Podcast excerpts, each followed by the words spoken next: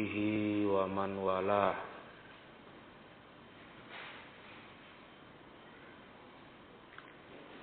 Babu al-ibilu izzun li ahliha.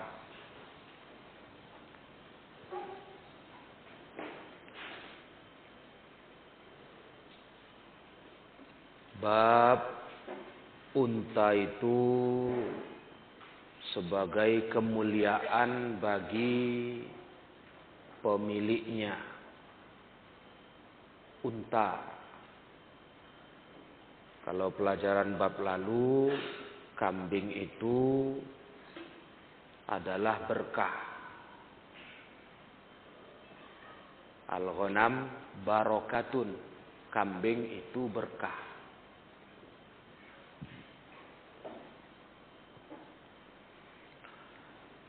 Nah, berikut ini adalah unta. Unta itu kemuliaan bagi pemiliknya. An Abi Hurairah anna Rasulullah sallallahu alaihi wasallam qala Dari Abu Hurairah semoga bahwasanya Rasulullah sallallahu alaihi wasallam bersabda Ra'sul kufri nahwal masyriqi. Ra'sul kufri nahwal masyriqi. Kata Rasulullah, puncak kekufuran itu Ra'su kan kepala. Berarti yang paling puncak. Paling tinggi dari kekufuran itu ada di timur masyrik.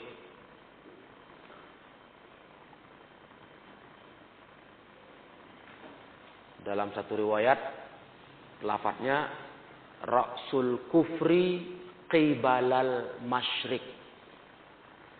Qibala. Di sini nahwu, nahwa. Nah, sama artinya. Maksudnya apa? Dari arah sana gitu. Puncak kekufuran itu dari arah timur. Timur mana? Timur waktu Nabi bersabda. Yaitu timur kota Madinah. Kota Madinah, arah timurnya. Bukan timurnya kita ya. Karena Rasul bersabda dari Madinah. Maka yang dimaksud timur oleh Nabi adalah timur kota Madinah. Nah, kalau kita di sini kan mana timur kita? Sana. Ya kan? Matahari terbit kan? Kalau barat ke sana. Nah, itu. Jadi yang dikatakan timur di sini arah yang dimaksud hitungannya dari kota Madinah. Nah, timurnya kota Madinah gitu. Ya.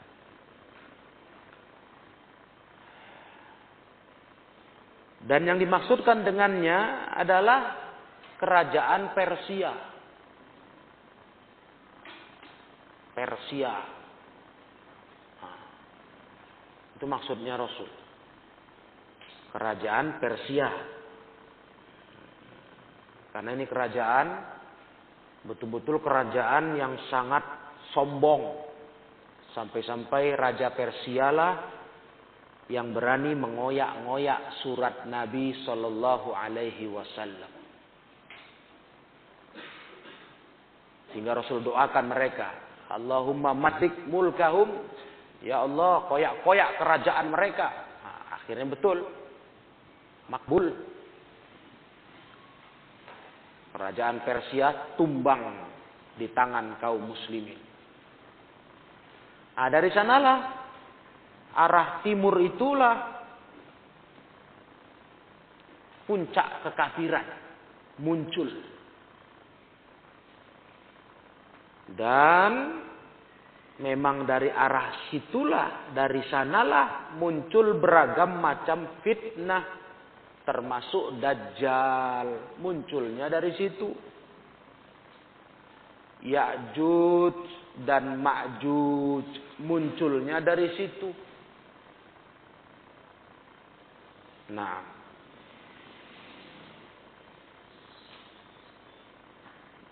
Kelas? Paham tuh? Itu kata Rasul.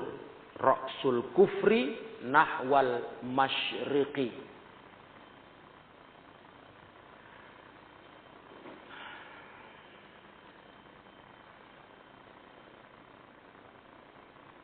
Munculnya fitnah memang banyak dari sana. Kekafiran pun dari sana. Arah timur kota Madinah. Nah, wilayah timur lah kalau dari Madinah tuh wilayah timurnya ke sana. Ya, bukan di kota Madinahnya. Itu arah timur dari Nabi bersabda. Perhatikan tuh baik-baik, jangan salah paham. Ya, pokoknya arah ke timur lah kayak kita di sini, arah timur kita kan sana. Ya daerah sana lah, sana terus. Nah, gitu. Dari arah timur, qibalal masyrik. Wal fakru wal khuyala'u fi ahlil khayli wal ibili. Dan kesombongan. Al fakru. Khuyala sama. Sombong. Bangga-bangga itu ada pada pemilik kuda dan unta. Ahlil khail wal ibil. Nah, ini dia. Ini kaitan pelajaran kita di sini. Iya. Pada asalnya seorang yang memiliki harta besar atau harta mewah seperti unta dan kuda Ya itu dia nggak mesti harus sombong. Cuma yang namanya dia lebih mulia. Ada kalau istilah kita sekarang unsur gengsi lah, ya kan? Namanya punya unta, kuda. Nah, jangan sampai kalau kita punya kendaraan kayak gitu, piaraan kayak gitu, jangan sampai kemuliaannya membawa kepada kesombongan. Nah, ini yang tercela. Ya kalau mulia ya mulialah. Namanya orang punya harta yang tidak murah. Kan nggak murah itu. Dibanding kalau kita punya kambing, ya kan? Ada orang punya ternak kambing, yang satu punya ternak unta. Bagaimana? Mana yang nampak bergengsi mentereng dia sebagai orang kaya? Ya yang punya unta, unta mahal. Atau punya ternak kuda. Wow. Nah, gitulah. Dia mestinya Jangan sampai membuat orang itu sombong, khuyala. Makanya waktu bab sombong masih ingat kalian? Udah diujikan itu, bab sombong. Bukan sombong itu karena kita punya harta. Kita pakai harta mahal, kendaraan mahal, rumah mahal. Bukan itu sombong. Betul? Tapi sombong itu adalah Ketika semua yang kita punya itu membawa kita meremehkan manusia. Batarul haq wa ghamtun. Nah, gara-gara itu kita meremehkan orang lain, menolak kebenaran. Itu yang dilarang. Kalau kita pakai harta kita sendiri yang memang kita sanggup, ya pakai aja. Yang penting jangan tabzir lah, ingat itu. Jangan buang-buang harta, mubazir. Nah. Paham Jangan tabzir, itu nggak boleh. Woi, jangan tengoklah itu. Belajar nengok sana.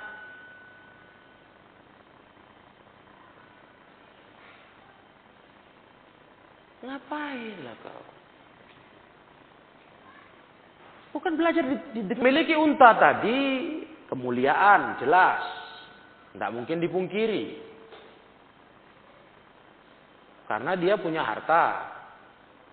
Unta, kuda. Tapi itu jangan sampai menjadikan dia sombong. Khuyala. Atau berbangga-bangga meremehkan orang lain. Itu nggak boleh terjadi. Nah, itulah makna tafsir daripada bab kita. Al-ibil izzun li ahliha. Unta itu kemuliaan bagi pemiliknya. Ya tidak masalah. Terus orang pandang kalian orang mulia, orang berharta, orang e, berkelas kata kita. Tidak apa-apa. Bagaimana lagi mau dibilang? Namanya kita punya harta yang mahal. Tapi ingat, jangan sampai kita sombong. Terus sama orang remeh, sepele, rendah, memandang orang. Ini yang bahaya. Paham? Nah, itu dia. Al-fakru wal khuyala fi ahlil khail wal ibil wal faddadina ahlil wabri al faddadin nah ini kalimat faddadin. Ini banyak makna. Banyak makna. Ya sebagian ulama para ulama bahasa mengartikan faddadin maksudnya adalah al baqar sapi-sapi yang dipakai untuk bajak sawah. Berarti pemilik sapi-sapi gitu. Ada nafsirkan begitu. Jamak dari fadanun, faddadin. Nah. Ada yang mengartikan seperti Imam Khattabi, faddad, al-faddan, alatnya diartikan alatnya untuk membajak yang dipakai di sapi itu kan tahu kan di apa kerbau. Nah, kalau orang bajak pakai kerbau, nah itu alatnya itu namanya fadan. Ada arti mengartikan begitu ulama. Nah, ada juga mengartikan fadadin tuan yang punya, yang punya sapi. Bukan sapinya, tuan yang punya.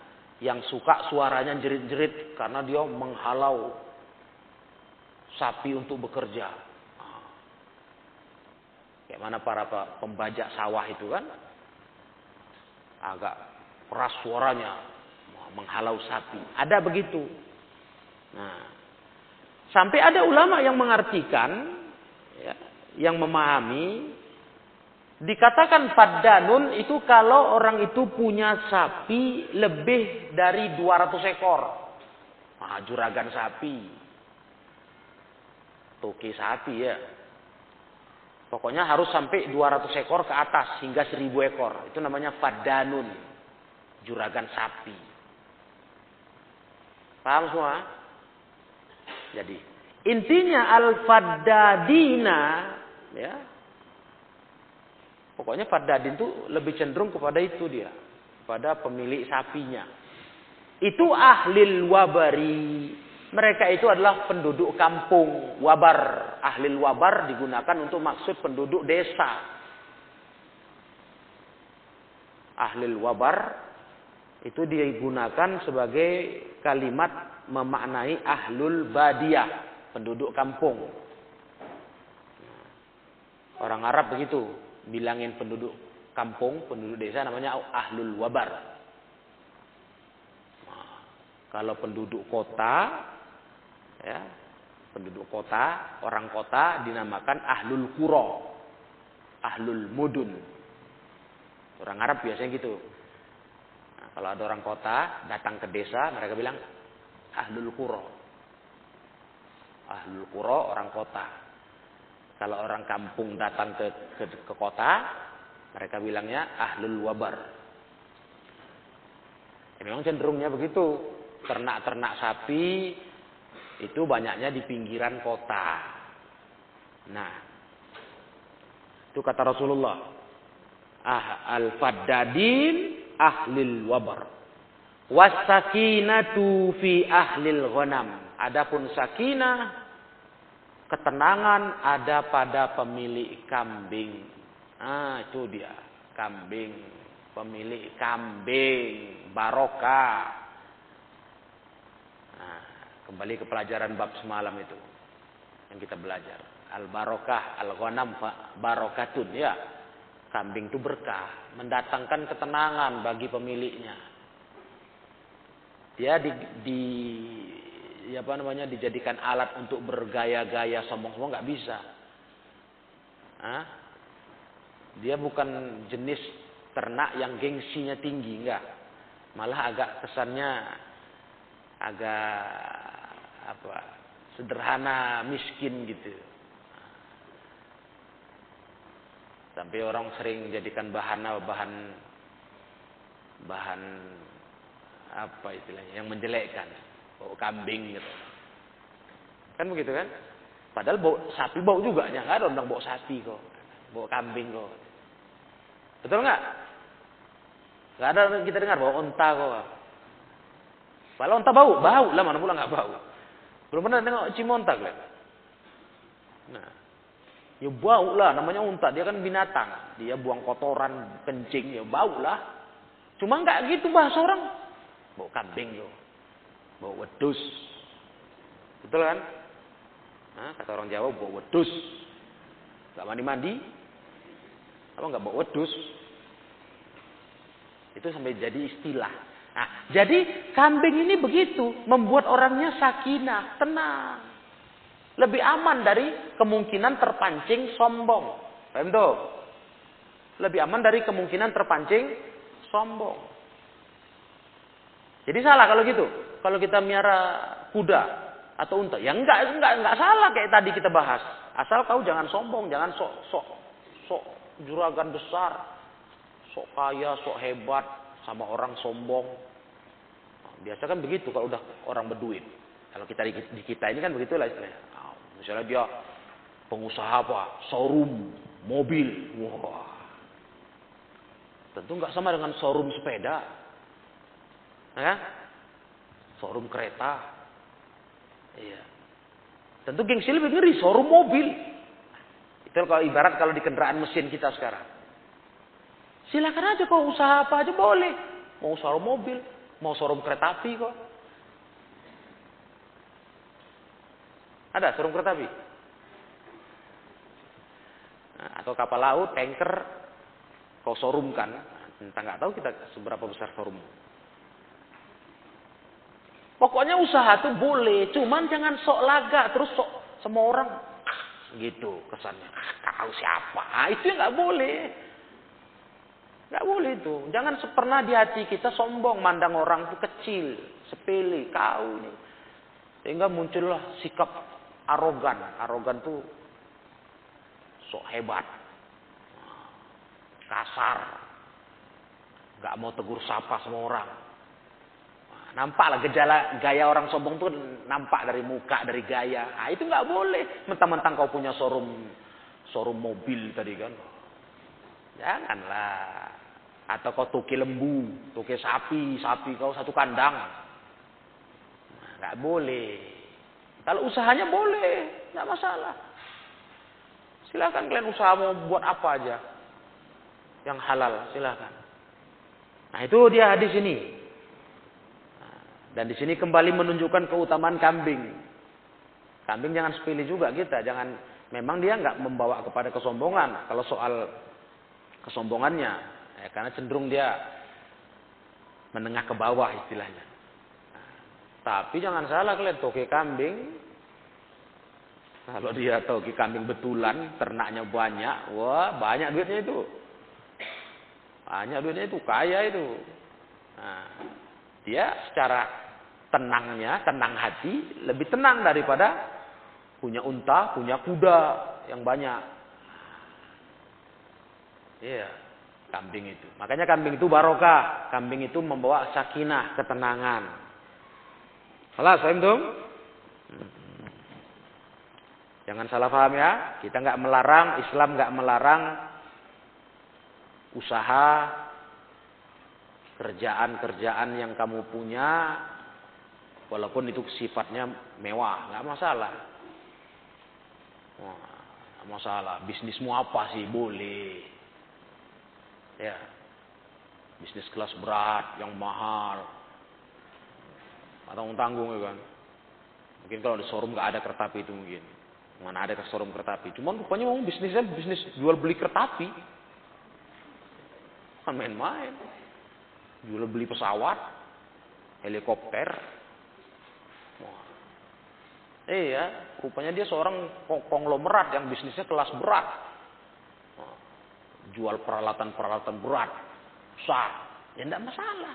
Usaha itu boleh aja. Nah, Islam menganjurkan itu. Tapi jangan membuat kepada kesombongan. Karena nggak ada apa-apanya kita. Apa mau disombongkan? Kalaupun kau berharta, kau kaya, banyak bisnismu, kamu sombongkan. Ah, semua itu sebentar itu, titipan Allah itu. Diambil Allah habis semuanya. Atau kau duluan diambil Allah mati. Bawa apa ke kuburan? Anak ada bawa bisnis. Sahih. Makanya sombong itu perbuatan sangat bodoh dari manusia. Apa yang mau disombongkannya, ya kan? Nah, Nah, kemudian Ani bin Abbasin qala dari Ibnu Abbas beliau berkata Ajibtu lil kilabi wasyai aku heran lihat anjing dengan kambing aku heran lihat anjing dengan kambing Inna sya'a yuzbahu minha fis sanati kaza wa kaza wa yuhda kaza wa kaza. Sesungguhnya kambing itu disembelih tiap tahun. Demikian demikian maksudnya sekian ekor, sekian ekor. Tiap tahun lah namanya kambing. Untuk acara keka, untuk acara makan-makan, untuk acara kurban. Kan ngeri. Kita ini ngeri. Kebutuhan kambingnya kuat manusia nih. Karena mau dikonsumsi. Betul? Ada lagi Yuhda. Nah, Yuhda ya sama. Ada orang menyembelih untuk kurban, untuk makan orang, undang orang. Pokoknya kambing ini termasuk jenis hewan yang laku kali di pasaran. Kadang sering habis stok orang. Apalagi menjelang Idul Adha. Eh, bisa-bisa stok kambing itu langka, bisa kehabisan. Banyak peminatnya. Nah, wal kalbu, adapun anjing kata Ibnu Abbas. Tabaul kalbatul wahidatu kaza wa kaza. Itu anjing seekor kalau melahirkan tabau. Itu kan melahirkan banyak anaknya. Pernah kalian nengok anak anjing? Banyak kan? Betul nggak? Coba lu mau tanya. Kambing beranak dibanding anjing anaknya banyak banyak mana? Hah? Kambing? Salah lah, anjing lah. Kalau anjing beranak, wah parami. Kesebelasan bisa. Eh, wah. Kalau kambing beranak, eh anjing. Kalau kambing nggak bisa. Nah, yang herannya katanya Ibnu Abbas, wasya'u aksaru minha. Tapi kok kambing lebih banyak dari anjing? Hmm. Itulah berkahnya kambing. Coba kita tengok. Lebih banyak kambing dari anjing. Padahal kambing itu anaknya nggak sebanyak anjing. Dia lebih banyak dipotong. Dimakan. Saya lah. Kebutuhan orang untuk makan kambing ngeri. Oh, Apalagi daerah-daerah dingin. Kayak di Jawa Tengah. Masya Allah kambing ini luar biasa. Karena orang butuh dagingnya untuk makanan penghangat badan. Sate. Sate kambing itu laris sekali di daerah dingin. Karena dia membuat badan lebih hangat. Coba lihat kata Ibu Abbas. Aku heran kata Ibu Abbas. Nengok kambing sama anjing. Kambing tuh sering kali dimakan dipotong. Anaknya sedikit, tapi kok lebih banyak jumlahnya. Sedangkan anjing, wah anaknya sekali beranak, banyak, rame. Nah, padahal dipotong jarang. Nggak tahu kalau di daerah pemakan anjing ya. Hmm. Kalau daerah pemakan anjing nggak tahu lah kita. Memang luar biasa itu. Semua dimakan. Hah? Anaconda, ular, daerah Sulawesi mana itu boleh tengok aduh pasarnya khusus pasar ekstrim hewan-hewan buas dimakannya tikus di di apa di sate bulat-bulat tikus ular anaconda itu makan orang di sana dimakan ya oh, anjing hidup-hidup keranjang-keranjang itu di dipotong dibakar pakai apa itu gas kayak las itu, buang bulunya. Wah, ekstrim betul pasar itu. Top Tumohon itu ya. Luar biasa itu pasar. Mengeri geli itu. Nah, berarti masarnya ganas sekali makanannya ya. Nah, konsumsinya luar biasa itu. Binatang kayak gitu semua dimakan. Apa nggak ada? Kalau jengking goreng mana? Nah, cuman tetap saja lah kalau kita ukur kambing sama anjing, banyakan kambing. Itu kata Ibn Abbas. Maka beliau heran. Maksud ucapan ini kata ulama ketika mensyarah ini maknanya menunjukkan keberkahan kambing. Keberkahan kambing. Makanya hadis yang kita baca pelajaran lalu, nah, Rasul perintahkan ambil kambing itu, pelihara, itu berkah. Berkah. Ya kalau ada tadi, kalau ada lahan, kayak kita kajian kita yang lalu, pelajaran kita, ada lahannya. Kalau nggak ada lahan, mengganggu masyarakat, janganlah kalian ternak kambing. Kayak di kota gini kan nggak mungkin. Itulah beragama tuh nggak asal-asal aja. Oh berkah, pokoknya aku mau ngejar yang berkah. Mana kalian protes sama masyarakat? Baunya kan luar biasa. Hmm. Rumah bertetangga rapat-rapat. Di halaman belakang kalian yang kecil tuh, kalian buka ternak kambing. Miara kambing kalian.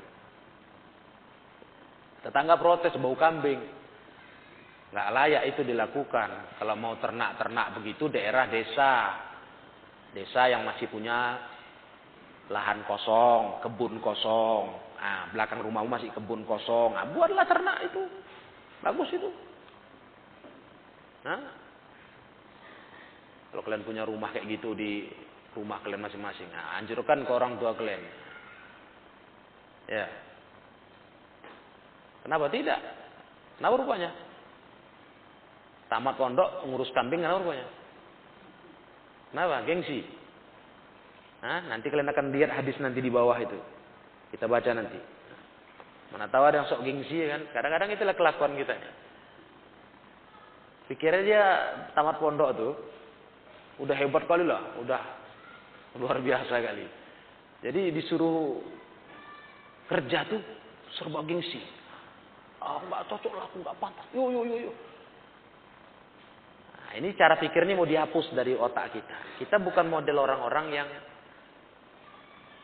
yang mana melupakan tanggung jawab hidup. Enggak. Nah, karena mencari makan itu keharusan, kewajiban. Kau boleh, kita boleh nggak mau kerja. Tapi kita bisa ada pemasukan kecukupan, bolehlah. Aku nggak mau laku kerja. Ya, untuk apa lagi kau kerja? Tiap bulan masuk uang ke kamu dari perusahaanmu. Ya nggak apa-apa, nggak usah kamu kerja. Mengerti kan? Nah, tapi kalau nggak ada, Jangan terus belaga, aku pulang pondok nih, aku pulang dari pesantren, alumnus, atau dari luar negeri. Oh, aku lulusan Jamiah Islamiyah misalnya. Atau aku dari alumnus Yaman. Merasa, kapan alumnus Yaman ada? Kapan pula dari Yaman alumnus? Yaman itu bukan sekolah resmi Kayak jamiah, jamiah ialah universitas. Ada tahap lulusnya. Nah, habis studi lulus. Ada Yaman mana ada pesantren Sampai kapan pun nggak lulus lulus kau. Asal masih mau belajar belajar belajar. Cuma begitulah. Tahu-tahu di rumah di Indonesia dia butuhnya cari makan. Oh nggak mau. Jangan. Itu udah sifat buruk itu dalam dirimu. Aku gengsi aku apalagi sempat, sempat pula rupanya ada pula memang modal kambing bapaknya pun punya kambing. Ah, tak pantas lah aku masa awak awak ternak kambing gitu. Ngurus kambing. Aduh, andai kau udah jadi seorang profesor pun. Ah, mana tahu. Sampai kau tahap profesor, kau seorang guru besar di universitas. Kenapa rupanya kalau kau pas pulang kampung ngurus kambing? Kenapa? Masalahnya apa? Nah itulah, memang malah bisa menundukkan sifat gaya hidup kita, gaya sok sok kreak, sok hewan. Tunduk dia. Kita urus kambing, kenapa? Ngarit kita. Kenapa rupanya? Kok semua serba, wah nggak pantas, nggak pantas, gengsi aku gengsi. Nah, ini penyakit sombongnya di situ. Jadi kambing ini masya Allah ya, orang yang punya jiwa-jiwa bibit sombong itu pun tunduk dengan kambing itu. Karena urus kambing itu ada kesan kayak rendah gitu. Iya kan? Nyerok, nyerokin tai kambing. Ngurus rumputnya. Nah, ada kesannya kayak mana gitu. Nah, bagus itu, nundukkan jiwa sifat bibit sombongmu. Jadi ini ilmu. Nah, mana tahu kalian ada lahan di rumah, ada modal, minta orang tua modalin dulu, nah, ternak kambing, urus kambing. Iya. Hidup ini begitu, semua kita kita jalanin. Nah, pas ngurus kambing kita urus kambing. Pas perlu ngisi taklim jadwal pergi ngisi taklim. Gitu. Nah, nggak ada cerita sama kita nggak bisa ini, aku nggak boleh, nggak pantas, nggak mau. Ah, itu nggak ada itu. Itu jiwa orang sombong begitu. Semua serba dibatasi, cegah, cegah, cegah. Ada orang kibir, bibit sombongnya begitu. Nanti baru orang lain diremehkannya. Paham semua? Nah, ini dia. Nah, kemudian An Abi Zibyan dari Abu Zibyan.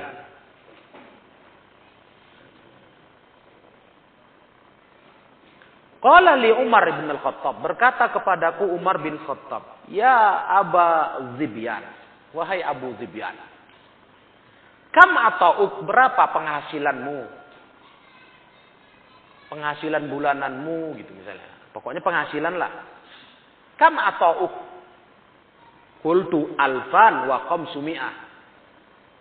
Aku jawablah 2500. 2500 dinar misalnya. Itulah penghasilanku. Hmm.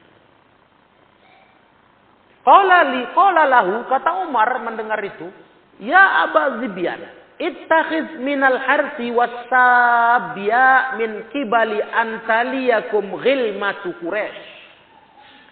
Eh Abu Zibyan, Cepat kau ambil, kata beliau. Kau ambil, artinya cepat kau kembangkan dengan bentuk pertanian al-harith wasabia. Nah, sabia itu ternak-ternak. Nah, hewan ternak mawashi. Coba kau kembangkanlah usaha kau gitu loh bahasa bebasnya. Nah, dengan kau bercocok tanam, dengan kau beternak. Ya. Qabla antaliyakum ghilmatu quraisy sebelum menguasai kalian para budak-budak orang-orang Quraisy. Nah, artinya sebelum terlambat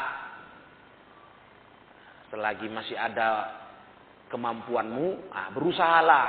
Nah, itu lihat Islam mengajarkan kita berusaha Iya. Bekerja terus. Yang mana la yu'addul ata'u ma'ahum malan. Tidak dianggap yang namanya apa? Apa itu penghasilan bersama dengan mereka sebagai harta. Itu bahasa kiasan itu. Istilah la yu'addul ata' ma'ahum malan. Itu bahasa kiasan. Yang diartikan kata ulama, kiasan menunjukkan qillatul mal. Sedikitnya harta. Itu gambaran, istilah. Nggak dianggap harta sama mereka. Maksudnya sikit harta kau. Nah gitulah. Itu bahasa kiasan. Kinayatun an qillatil mal. Menunjukkan harta yang sedikit. Qillatil mal. Hmm. Nah di sini kaitannya dengan bab kita adalah tentang masalah beternak juga. Sabia. Asabia. Ya beternak berkebun nah, ya. Jadi lebih umum dia nggak hanya masalah unta. Beternak berkebun. Hmm. dan kita disuruh berusaha terus. Cari dunia tuh terus. Nggak boleh malas tapi ingat akhirat yang utama Gitu hidup nih, berimbang dia. Jadi apabila bisa dibilang orang tamak, tamak kali dia tuh udah udah ada usaha ini, buka usaha lain. Enggak, enggak, betul itu. Itulah hidup. Berusaha terus. Tapi jangan sampai agama tinggal. Agama nomor satu. Jadi jangan salah paham kalian ya. Kadang-kadang orang berpikir kalau ada orang udah punya usaha, buka usaha baru, buka lagi cabang baru, mau tamak katanya. Semua mau dikerjakannya, semua mau diusahakannya, diduitkannya. Enggak, itu boleh. Hah? Kenapa tidak? Boleh. Betul nggak? Kau misalnya udah punya punya ruku misalnya nih, ruku, panglong, alat-alat bangunan. Udah keren kali kan. Udah pengusaha sukses itu. Tahu-tahu di depan rukumu kau buka gorengan. Wah. Yang buka kau sendiri juga. Gorengan suri pakai styling. Loh, ini panglong ada jual gorengan pula ini. Tamak kata orang. Enggak tamak loh. Apa salahnya jualan? Hah? Kau nggak paham berarti masalah fikih muamalah. Namanya jualan silakan aja.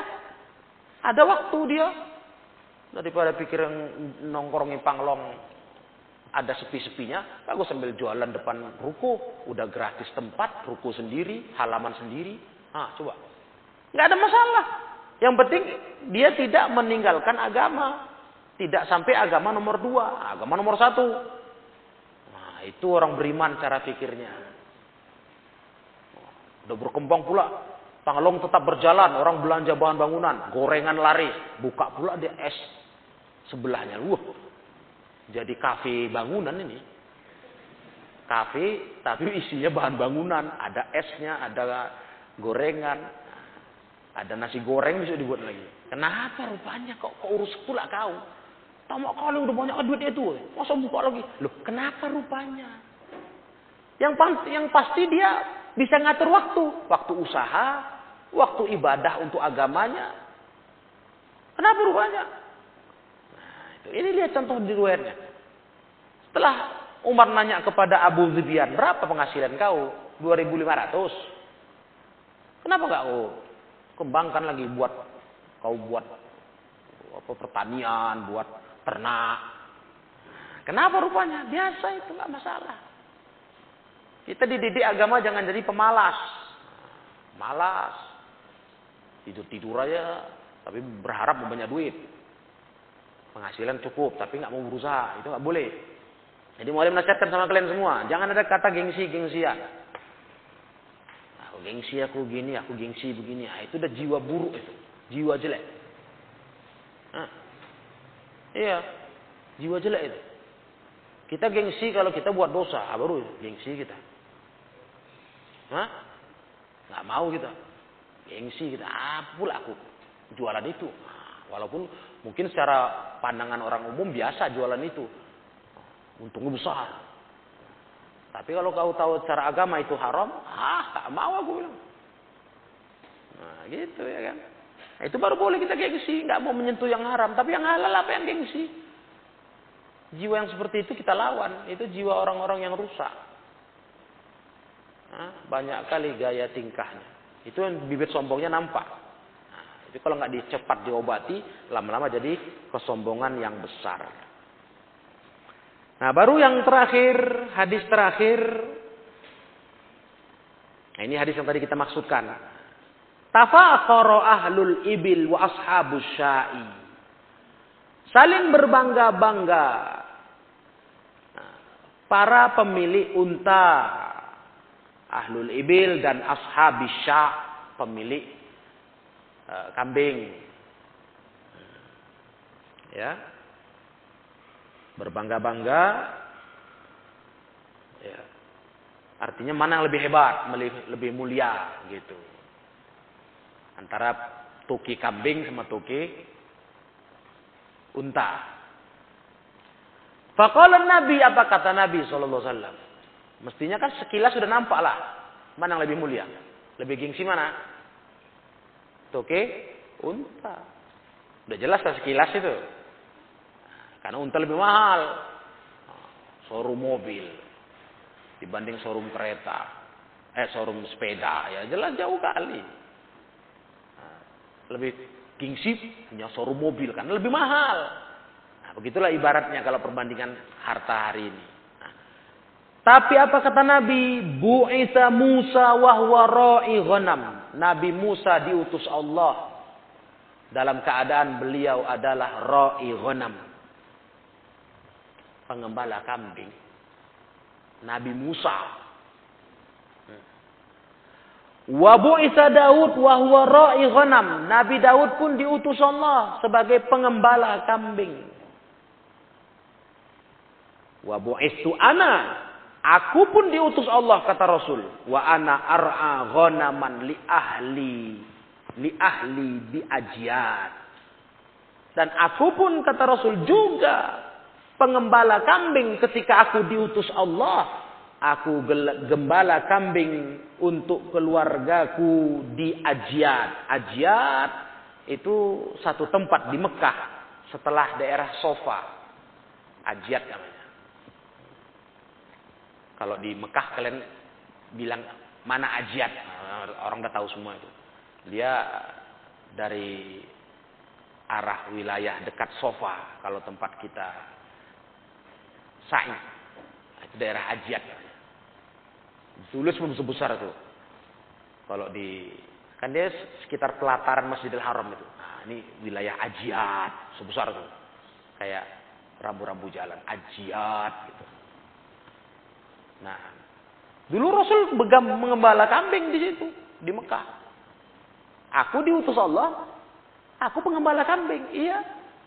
Rasul mengembala kambing punya keluarganya, mengembala kambing punya orang Mekah, Rasulullah. Nah, jadi maksudnya jangan sepelekan kambing itu. Itu peliharaan para nabi. Nabi Musa, Nabi Daud. Nah, cuma ya tadi itulah. Momennya tepat. Situasinya tepat untuk memeliharanya. Melihat kondisi tempat, ya, betul-betul diurus, begitu diurus, dirawat. Bukan satu hal yang hina, salah besar kalian.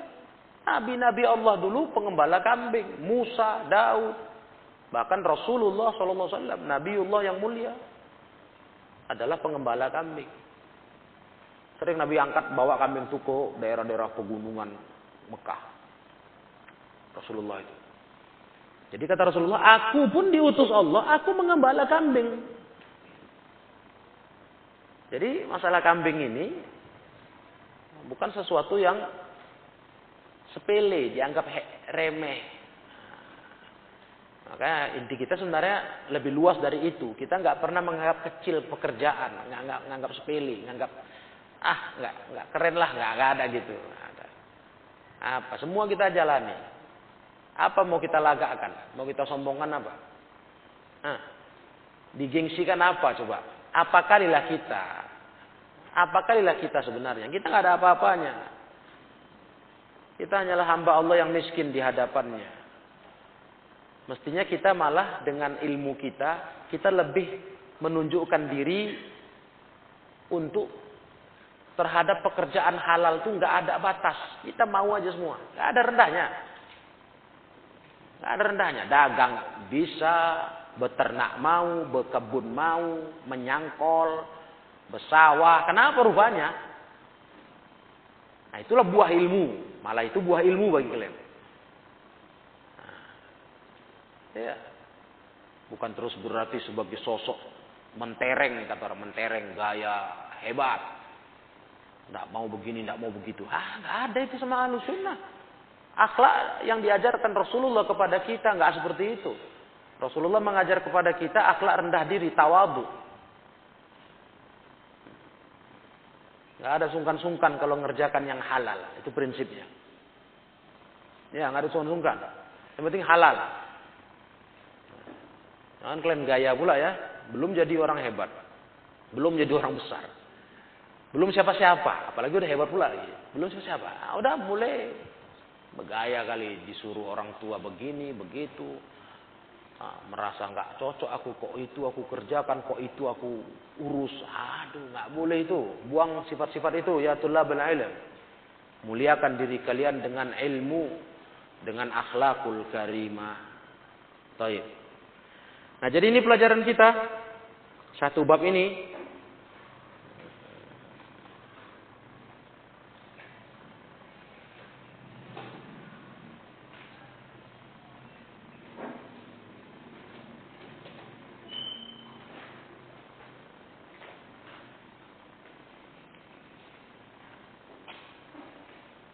Ya udah habis ya masalah kambing, unta habis. Hmm, keutamaannya.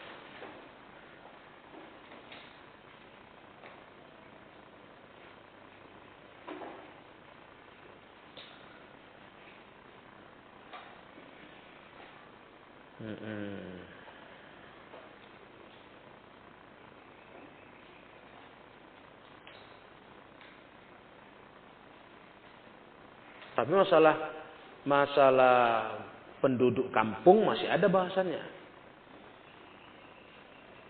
Penduduk desa masih ada. Nanti kita baca, insya Allah. Ya. Cuma masalah keutamaan hewan tadi udah habis ya. Keutamaan berkahnya kambing, ternak-ternak lain. Intinya tadi jangan ada kesombongan dalam diri kita. Kalaupun kita dikasih Allah rezeki baik lah, rezeki bagus. Ada kata kesombongan, merasa tinggi diri, merasa gengsi, itu nggak boleh hidup ini.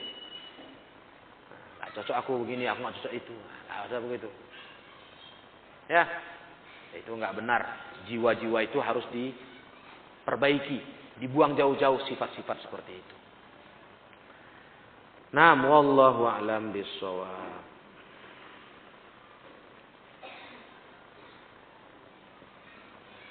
Wallahu alam. Nah, ini ada laporan